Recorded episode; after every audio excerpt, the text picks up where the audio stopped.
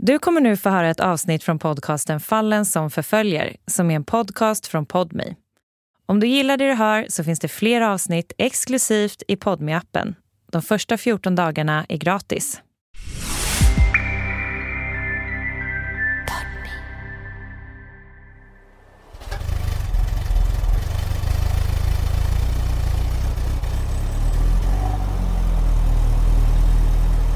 Skulle börja jobba på ett eftermiddagspass i Lera och jag bodde i Alingsås. Och kom dit i god tid innan jag skulle köra ett pass i cykelträningslokalen. En gråmulen måndag i november 1987.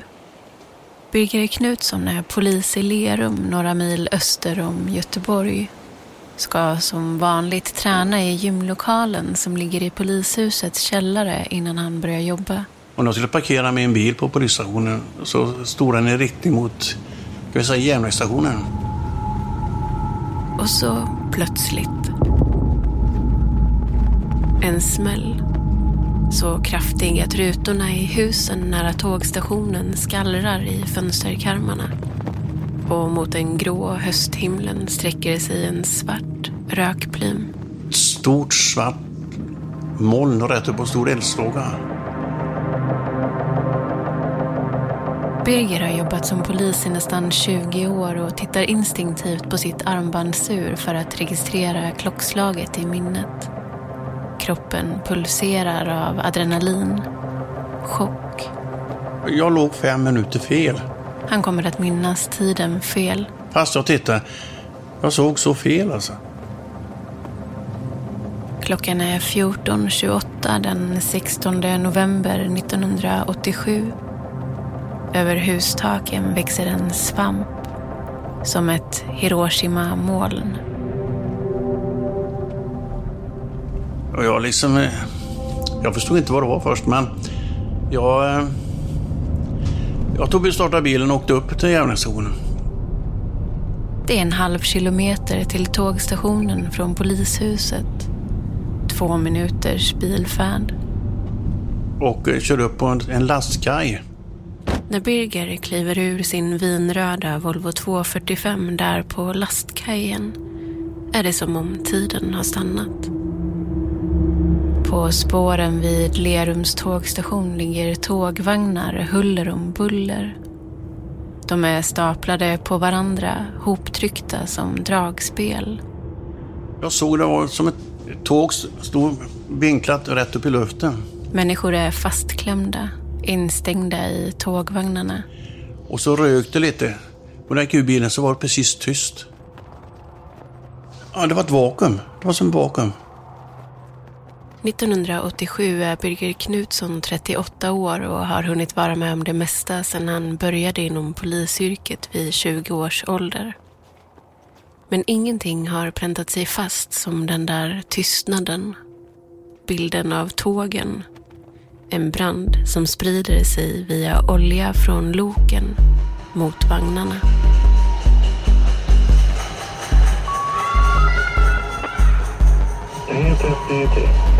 Vi hälsar god kväll. Det här är Fallen som förföljer. I tio avsnitt får du möta lika många poliser som jobbat ett helt yrkesliv på samhällets bakgård. Det är jävla idiot. Jag undrar, kan jag få se på körkortet? Varje berättelse fokuserar på ett specifikt fall. Ett fall som format deras liv och som framkallar både stolthet och smärta. Trots att blåljusen sedan länge slocknat. Välkomna. Det här avsnittet handlar om en frontalkrock mellan två tåg. Om en av de värsta tågolyckorna i svensk historia och en av de svåraste dagarna i Birger Knutssons hela poliskarriär. Det här är Tågkatastrofen av Maria Hansson Botin.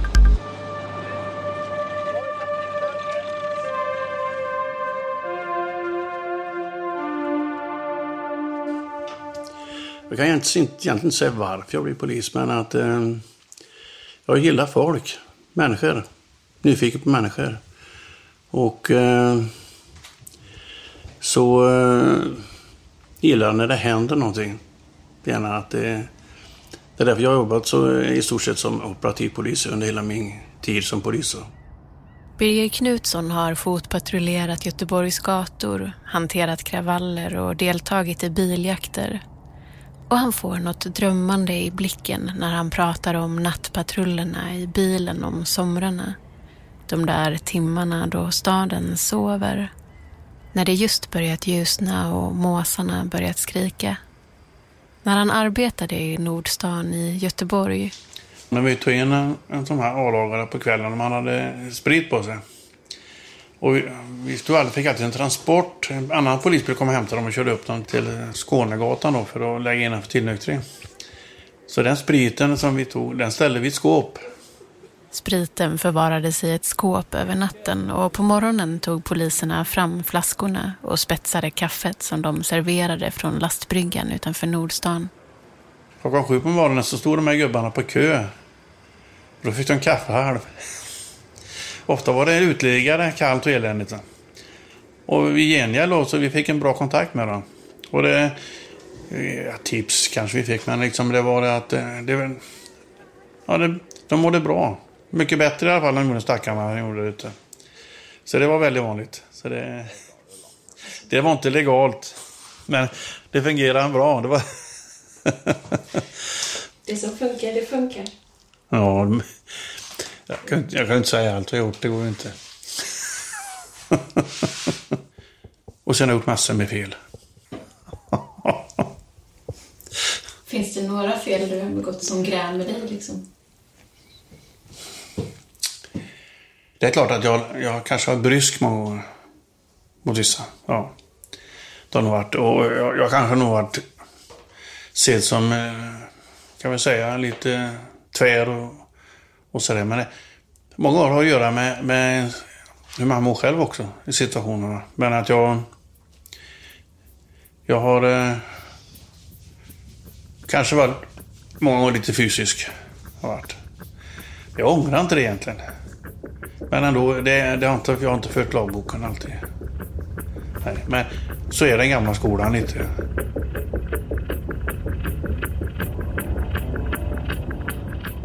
Han har fått vapen riktade mot sig. Han har varit med och gripit en av Sveriges mest ökända kriminella, Clark Olofsson, efter ett bankrån. Men Birger har aldrig använt handbojor. Och sagt, den distansen som, som, som jag tyckte blir då, jag vet inte hur det är just idag, men jag, jag är lite rädd för att vi kommer ifrån med folk när vi inte vågar prata med dem riktigt. Men han har, som han säger själv, en fysik som ger honom pondus. 184 centimeter lång. Det är ju så lite grann att vet du om att, att du är ganska stark och sen... Och som 72-årig pensionär tar han fortfarande 120 kilo i bänkpress. Jag kanske kan slåss. Jag kan, jag kan ta för mig då. Och det gör att, att eh, den du ska få med dig då, de märker det snart. Men samtidigt, det är inte bara, sen vågar jag vara polis. För jag, lite grann säger att jag, jag står för mitt jobb, jag, jag står för det. Och jag, jag hade ett rykte om att vara hård, men jag är, jag är inte hård, men liksom, jag, jag står för mina beslut. Birger Knutsson har tjänstgjort både som yttre och inre befäl han har gett polisen 45 år av sitt liv och bortsett från de två sista åren i tjänst, då han bearbetade tips som kom in, har han alltid jobbat operativt, inte med utredningar. Ja, jag säger det att jag, jag tycker inte om att sitta och höra när folk ljuger. Det tycker jag är... Det klarar mig utan. Nej, Robin, gå och lägg dig. Han var i regnet. Nej, gå ut, gå och lägg dig. Han bor på landet. Den röda trävillan med glasveranda är omgiven av skog och sädesfält där rågen böjt sig för regnet. Två katter, fyra hundar, hönor som ger färska ägg varje dag. Det är rätt skönt om man har jobbat och när det har varit lite så på jobbet och kom hem helt till lugnet. Det är skönt. Det är samma i skogen. Jag jagar ju mycket på, på, på vintrarna. Jag jagar fem, sex dagar i veckan. Jag har en kamrat till mig. Sambon som också är polis har han träffat genom jobbet. 1987 byter Birger Knutsson tjänsten som yttre befäl i Alingsås mot en tjänst som gruppchef i Lerum.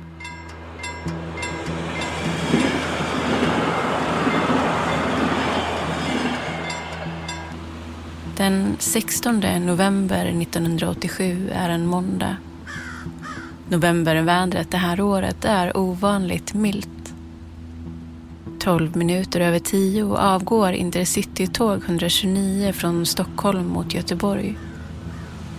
Expresståg 140 avgår från Göteborg mot Stockholm kvart över två på eftermiddagen. Tågen ska passera varandra på varsitt spår i höjd med stationen i Lerum strax före halv tre. Det är i alla fall tanken.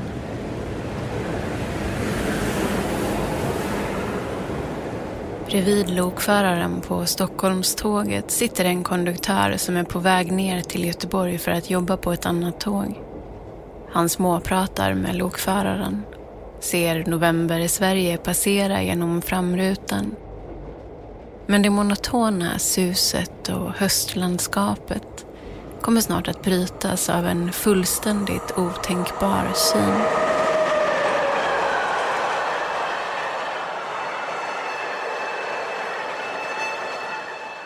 Först tror de att de ska spåra ur när tåget plötsligt i full fart kastas in på ett annat spår än det som går rakt fram. Men de klarar sig igenom kurvan. Andas ut. Några hundra meter. Sen skriker lokföraren helvete och kastar sig bakåt i loket till golvet vid maskinen där konstruktionen är som mest stabil där den ska hålla för det mesta. Nödbromsen slår till när han lämnar sin plats, men det bara krasar mot rälsen. Båda tågen kör i drygt 100 kilometer i timmen.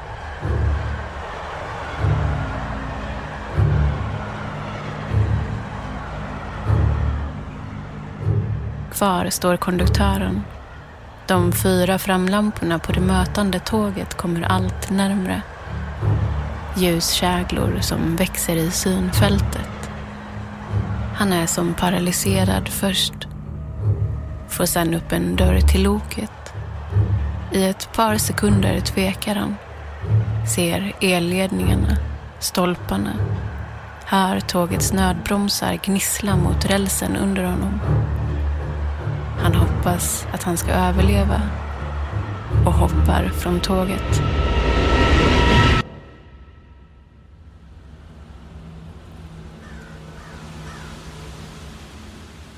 När Birger Knutsson parkerar 245 utanför polishuset har han jobbat i Lerum två månader.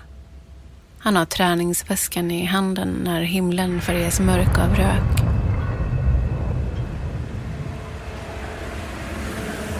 Två tåg har krockat i full hastighet. Rörelseenergin omvandlas till värme, flera hundra grader. Antänder oljan i loken 4 000 liter olja. Den andra vagnen i Stockholmståget har tryckts fyra meter in i den första. Golvet har tryckts upp mot taket i delar av första klassvagnen. Vid stationen på lastbryggan står Birger omgiven av ett vakuum. Tiden som står stilla adrenalinet. Han bryter tystnaden. Ring SOS. Jag är polis, jag kommer snart tillbaka. Jag kom så väl ihåg jag sa det. Sen slängde jag mig i bilen och sen när jag kört en liten bit tänkte jag nej, jag måste stanna och se att det är sant. Jag, jag blev osäker på mig själv, att det, jag måste ha sett fel. Än en gång betraktar han förödelsen. Det är så overkligt. Du kan inte, du kan inte ta på det. Och, och, och, så varför det händer då? Det, det, är inte det första du tänker på. Utan det... Vad gör jag? Kaos. Vad gör jag? Vad ska jag göra? Hur gör vi?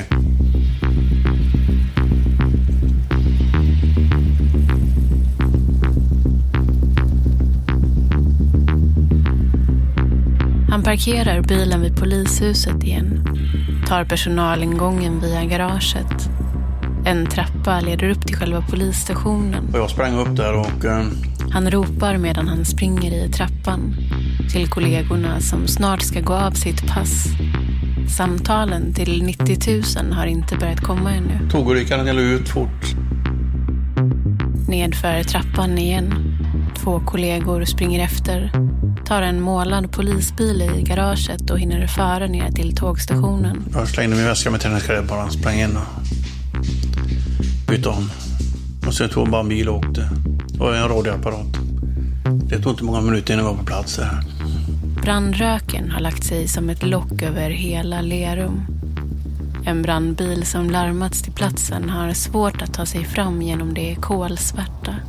Kör fel. Ja, det, det är sånt inferno omkring det. Birger kommer tillbaka till en olycksplats som inte längre är tyst. En ilsken brand. Oljan som brinner går inte att släcka med vatten. Människor som skyndar till platsen genom den tjocka röken. Människor i vagnarna som försöker ta sig ut. Birger har en äldre kollega på olycksplatsen och eftersom polisens organisation är strikt hierarkisk är det kollegan som borde bli polisens insatschef. Men kollegan vill inte och rollen faller på Birger. Jag hann inte tänka. Utan att eh, jag kunde sagt att nej, jag klarar inte det. Eller det blir bara så. Ovanpå polisuniformen drar han på reflexvästen där det mot en gråblå ruta i botten står polisinsatschef. Våra, vårat jobb, polisen, det var ju liksom spärra av och sen då ta identitet på alla som först är ifrån. Resten är ju då sjukvården eller räddningstjänstens jobb. Så det, de är ju chefer över oss på sån plats. Va?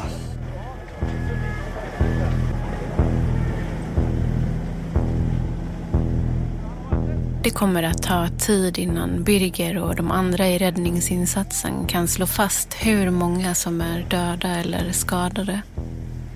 Ingen vet hur många som är i akut behov av hjälp i de vagnar som brandhärjas. Räddningspersonal och poliser och frivilliga springer över spåren mot de brinnande vagnarna. Stegar som hämtats från en järnhandel in till stationen reses mot vagnar som ligger på sidan. Rutor krossas av fötter, av knytnävar, av värmen från elden. Tågledningarna har slitits ned, ligger på marken över spåren. Birger vet inte om de fortfarande är strömförande. 15 000 volt. För det var ju, det var ju livsfarligt att gå in där annars. För det, det räcker man går nära en ledning, behöver man ju inte ta i den. För det ska... Så att... Eh, Han ropar åt människorna i spårområdet att de ska akta sig för elen. Två av hans poliskollegor har klättrat upp på en tågvagn som ligger på sidan. De drar upp en man genom ett fönster. så de drog ut folk genom fönstren där. Det såg jag de gjorde. Den ena kollegan kommer senare bli Birgers sambo.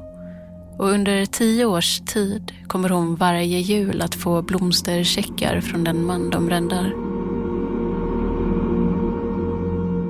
Jag hade fullt upp liksom med att se till att eh, ja, de skadade kom ut och det, med att inte massa obehöriga sprang in. Det finns en uppsamlingsplats där ett par av Birgers poliskollegor tar ID på de skadade. På de som förs till sjukhus. Men alla hamnar inte där. På andra sidan olycksplatsen går E20. Där har bilar stannat. Någon har klippt upp nätet och skadade hjälps ut och körs av privatpersoner till sjukhusen. Bland annat konduktören som hoppade ut ur det ena loket i farten. Han märker först när han sätter sig ner att han sprungit på sin ankel. Att foten är böjd i 90 graders vinkel. Där han sitter i slänten i dammet och röken ser han taken på tågvagnarna. Det är sönderbrända lok han hoppat från, där lokföraren blev kvar.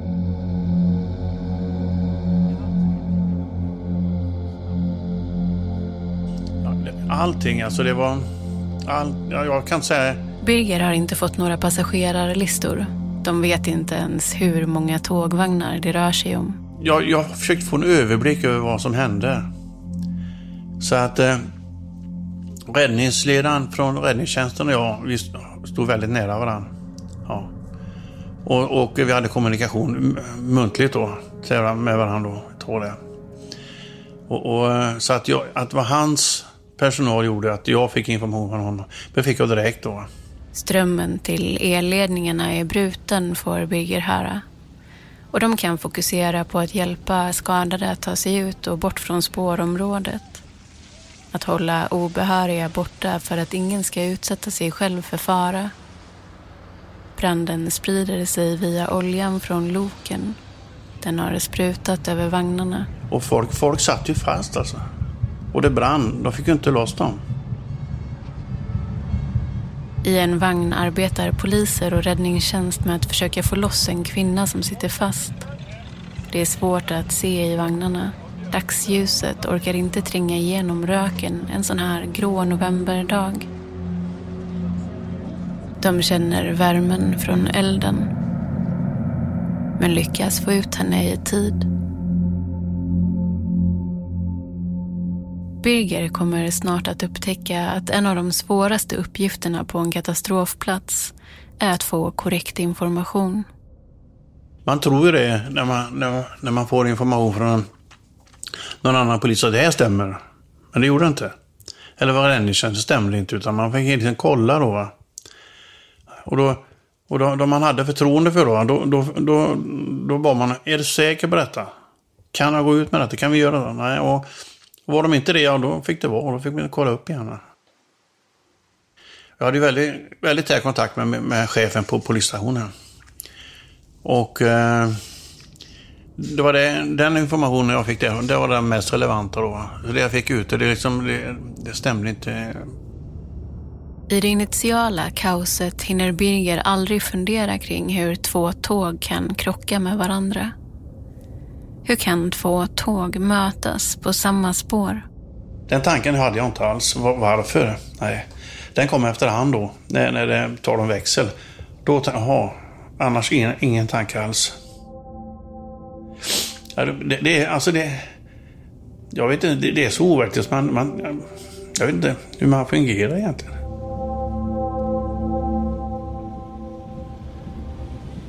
Informationen kommer från SJ en spårväxel ligger fel några hundra meter bort.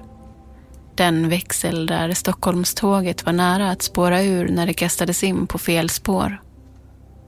Det pratas om reparationsarbeten som ska ha pågått vid spåren under dagen och i en byggnad nära stationen har SJ-personal hittat en vilsen och förtvivlad signalreparatör.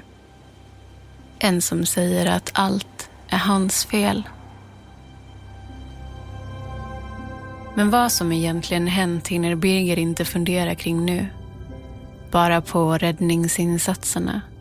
Att försöka bringa ordning i kaoset och på att säkra bevis för en framtida polisutredning. Och jag skickade en polis först och spärrade av den här växeln.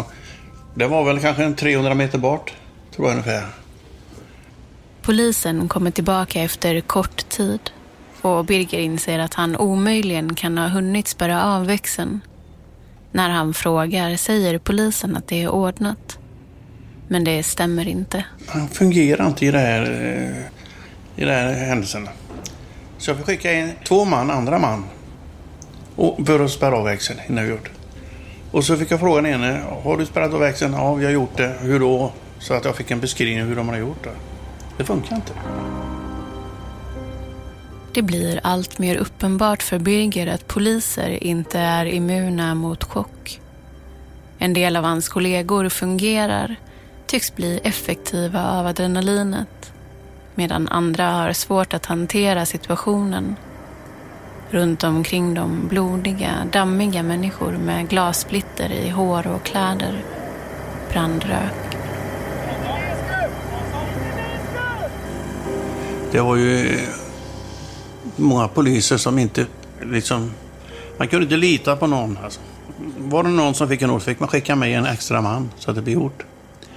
Och det... det jag reagerade på efteråt också att det, de trodde aldrig man skulle behöva göra. Det var poliser, alltså de... Eh, jag vet inte av vilken anledning. Vad det var. Och stundens allvar gjorde att de inte fungerade. Jag vet inte men... Eh, till slut blir det de här killarna som inte fungerar. De blir stående i en grupp själva. De har de ingen nytta av. En oro gnager i Birger. Han har, helt oförberedd, hamnat mitt i ett kaos. Där ingen tycks veta någonting säkert. Tänk om han fattar fel beslut. Om någon blir skadad på grund av det. Han är väldigt ensam. Den man. Så att,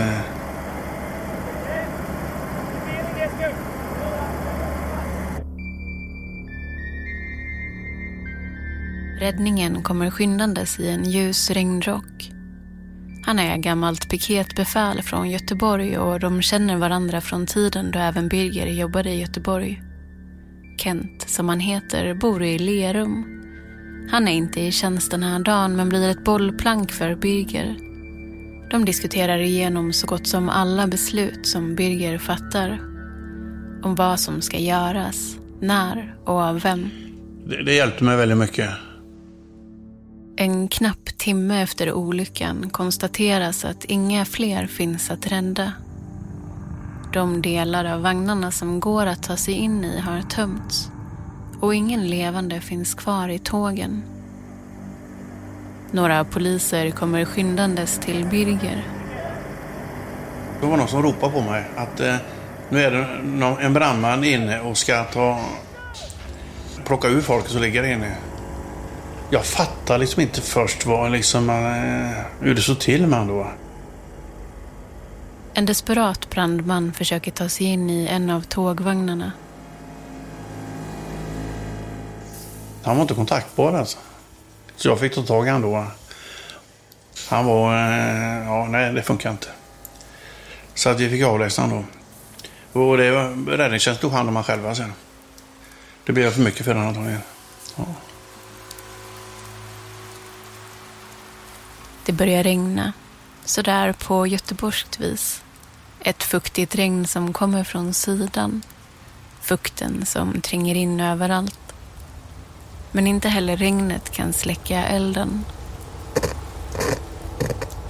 Ni som känner er ängsliga för anhöriga kan ringa polisen i Allingsås. Eh, där ska man ha uppgifter om vilka som är skadade i olyckan. Telefonnumret dit är 0322 Det kom ju anhöriga till platsen också. Det lämnade jag över till någon annan polis vet som var den som fick hjälpa dem med. För jag, jag hade liksom inte den möjligheten. På listorna över skadade saknas de som tagit sig till sjukhusen med hjälp av privatbilister på E20. Längs röda tågvagnar rinner skum som används för att släcka branden.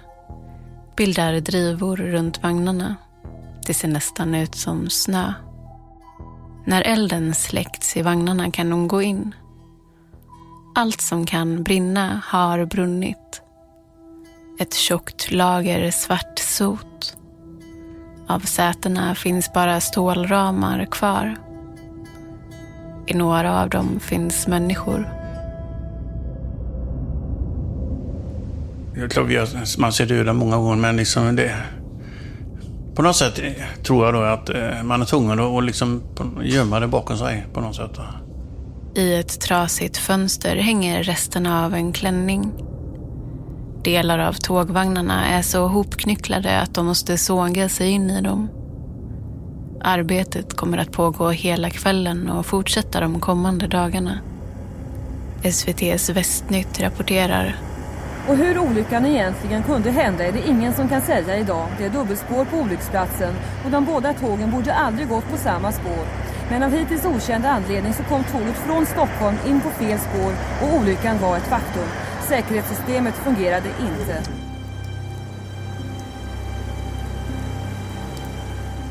Över hundra personer har skadats. Birger Knutsson jobbar till efter midnatt. Sätter bevakning på olycksplatsen över natten. Det finns döda kvar i tågen. Jag hade poliser där på natten och skönt om. Ja. Då var det, de döda var inte därifrån. Vi var ju, var ju bevakningar. Men det tog flera dagar sen innan, innan liksom, jag vet jag jobbade på dag till där nere på platsen då. Den 27-årige lokföraren som kastade sig längre bak i loket hittas död bland vrakresterna först två dagar efter olyckan.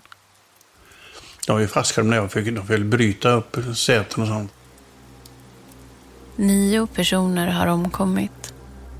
Båda lokförarna, en 30-årig konduktör och småbarnsfar. En man på väg för att fira bröllopsdag med sin fru. De båda männen som satt i rökrummet i första klasskupén. En 22-årig skådespelerska.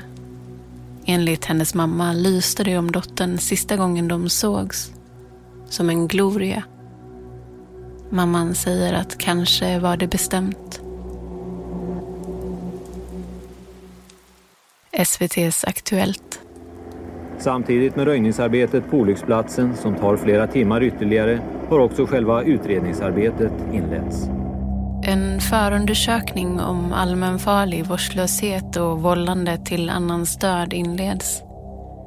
Birger är inte inblandad i polisutredningen men följer den på avstånd. SVTs Rapport den 18 november 1987. Idag har haverikommission, SJ och polis börjat lägga ett komplicerat pussel för att få fram var skulden ligger för tågkatastrofen i Lerum i förrgår då nio människor dödades. Den statliga haverikommissionen som gör en egen olycksutredning vid sidan av polisens förundersökning kommer fram till att SJs säkerhetsrutiner är så bristfälliga att de gör en kompletterande utredning av hur tidigare olyckor hanterats. För olyckan i Lerum 1987 är en av de värsta som inträffat i Sverige.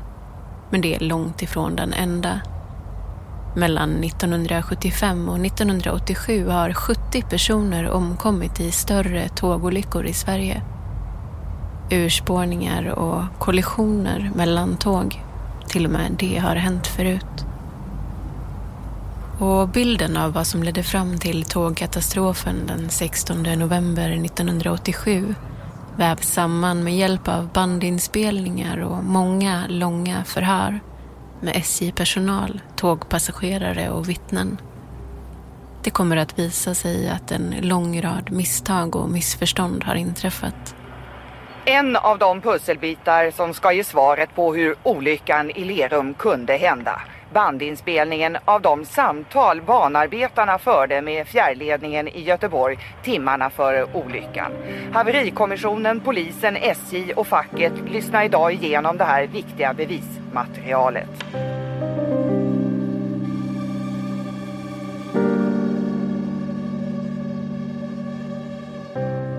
På förmiddagen innan olyckan inträffade arbetade ett par signalreparatörer vid spåren i Lerum. Arbetet som de skulle utföra var egentligen ingenting särskilt avancerat. Ingenting man behöver stoppa några tåg för eller så. De skulle förbereda för ett större arbete längre fram. Hade hjälp av några grävarbetare. Men någonting gick fel. På fjärrledningscentralen i Göteborg upptäckte tågklareraren att spårväxeln vid Lerum inte längre gick att styra han lät ett tåg passera långsamt mot stoppsignalerna och lokföraren berättade för tågklareraren via telefon att det låg rödklädda gubbar och arbetade vid spåret. De rödklädda gubbarna vid spåret, signalreparatörerna, fick en kommunikationsradio för att kunna prata med tågklareraren som bad dem felsöka växeln.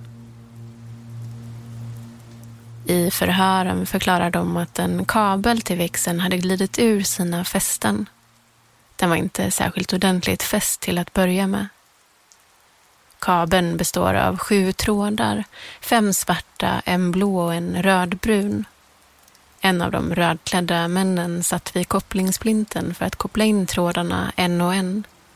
Det regnade. Den andra signalreparatören satt vid växeldrivet och läste ritningen högt. Ingen av dem kan i förhör svara på hur det blev så, men den blå och den rödbruna tråden blandades ihop.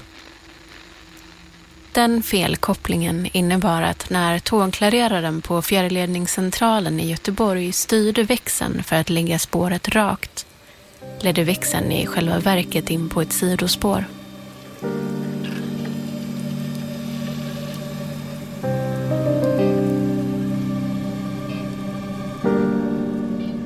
Enligt rutinerna skulle signalreparatörerna kontrollera växeln efter inkopplingen. Då hade de kunnat upptäcka missen. Men fjärrtågklareraren i Göteborg kunde inte de rutinerna. Och via bandinspelningarna kan polisens utredare följa missförstånden mellan signalreparatörerna och tågklareraren. Hur de pratade förbi varandra. Inte alltid hörde varandra via den knastrande komradion.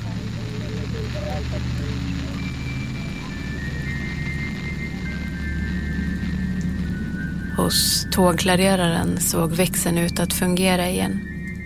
Tågen var på väg och han ville inte att de skulle bli ståendes utanför Lerum.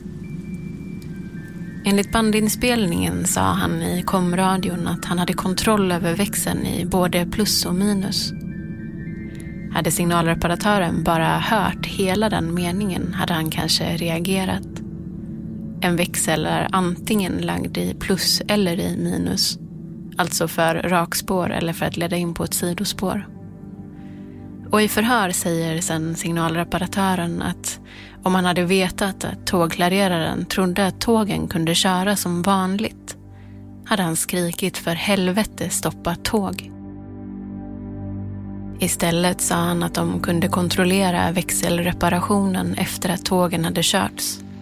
Han avslutade med ett klart slut så länge. Signalreparatören säger i förhör att han förutsatte att tågen skulle köras i låg hastighet.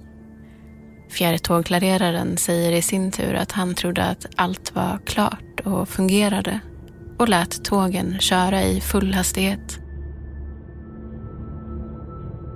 De båda signalreparatörerna och fjärrtågklareraren i Göteborg delges snart misstanke om allmänfarlig vårdslöshet vållande till kroppsskada och vållande till annans död. Men efter nära ett år beslutar åklagaren att inte väcka åtal. Han skriver i sitt beslut att de inblandade snarare är offer för de bristande säkerhetsrutinerna inom SJ. Han anser att det är där skulden ska ligga, inte hos någon enskild person. Efter olyckan startas en oberoende myndighet som ska utreda olyckor och incidenter på järnvägen. Och idag finns system som förhindrar den här typen av olyckor. Kommunikationen, rutinerna, säkerhetssystemen. Allt har förändrats. 1987 och 1988 följer Birger Knutsson medierapporteringen om olyckan och dess konsekvenser. Han läser polisutredningen. I rapporten om olyckan i Lerum skriver den statliga katastrofkommissionen att de omkomna troligen dog av smällen, inte av branden. Men det här får inte Birger och hans kollegor veta under många år kommer flera poliser undra om de hade kunnat göra mer. Rädda fler ur de brinnande tågvagnarna.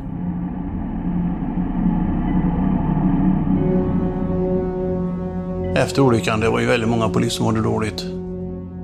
Man var ju alls inte förberedd på vad som skulle hända. Jag, jag tror liksom man... Man var nog inte riktigt stabil.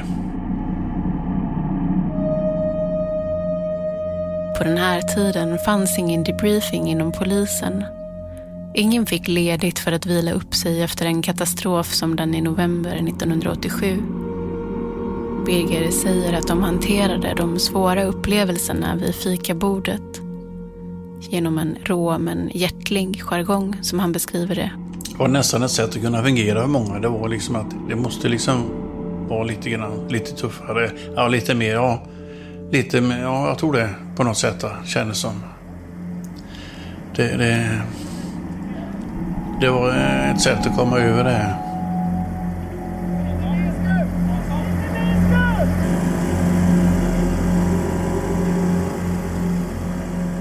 Det är den värsta händelse han varit med om som polis.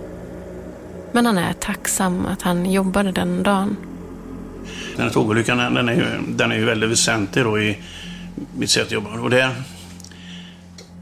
det är först när det händer som det prövas riktigt. Då. Alltså det hjälper inte att utbilda sig hur mycket den utbildade om du inte klarar av en händelse. Att man mentalt inte står pall. För det gäller liksom eh, att våga ta de här besluten. Ja. Ja, det var... Det var hemskt. Det var det.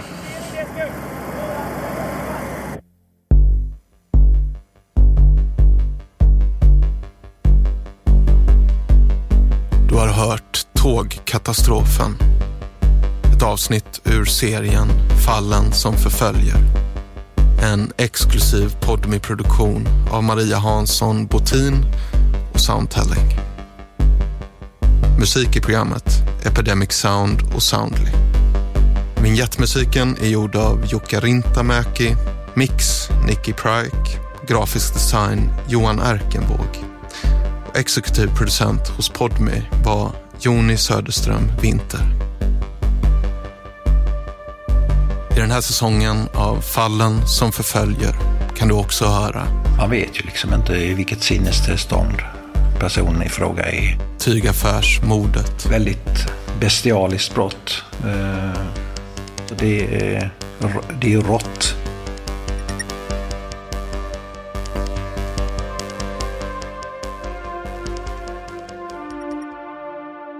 Du har lyssnat på podcasten Fallen som förföljer.